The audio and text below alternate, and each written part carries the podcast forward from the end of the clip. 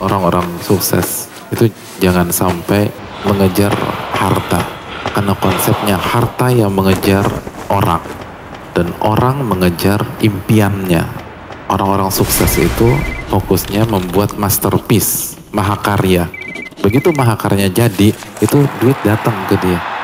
Nah mahakaryanya orang-orang beriman kan adalah ibadah yang ikhlas dan sesuai dengan sunnah Nabi SAW itu mahakaryanya orang-orang beriman adalah kalau itu hasil dunia dia menjadikan dunianya sebagai tangga menuju akhirat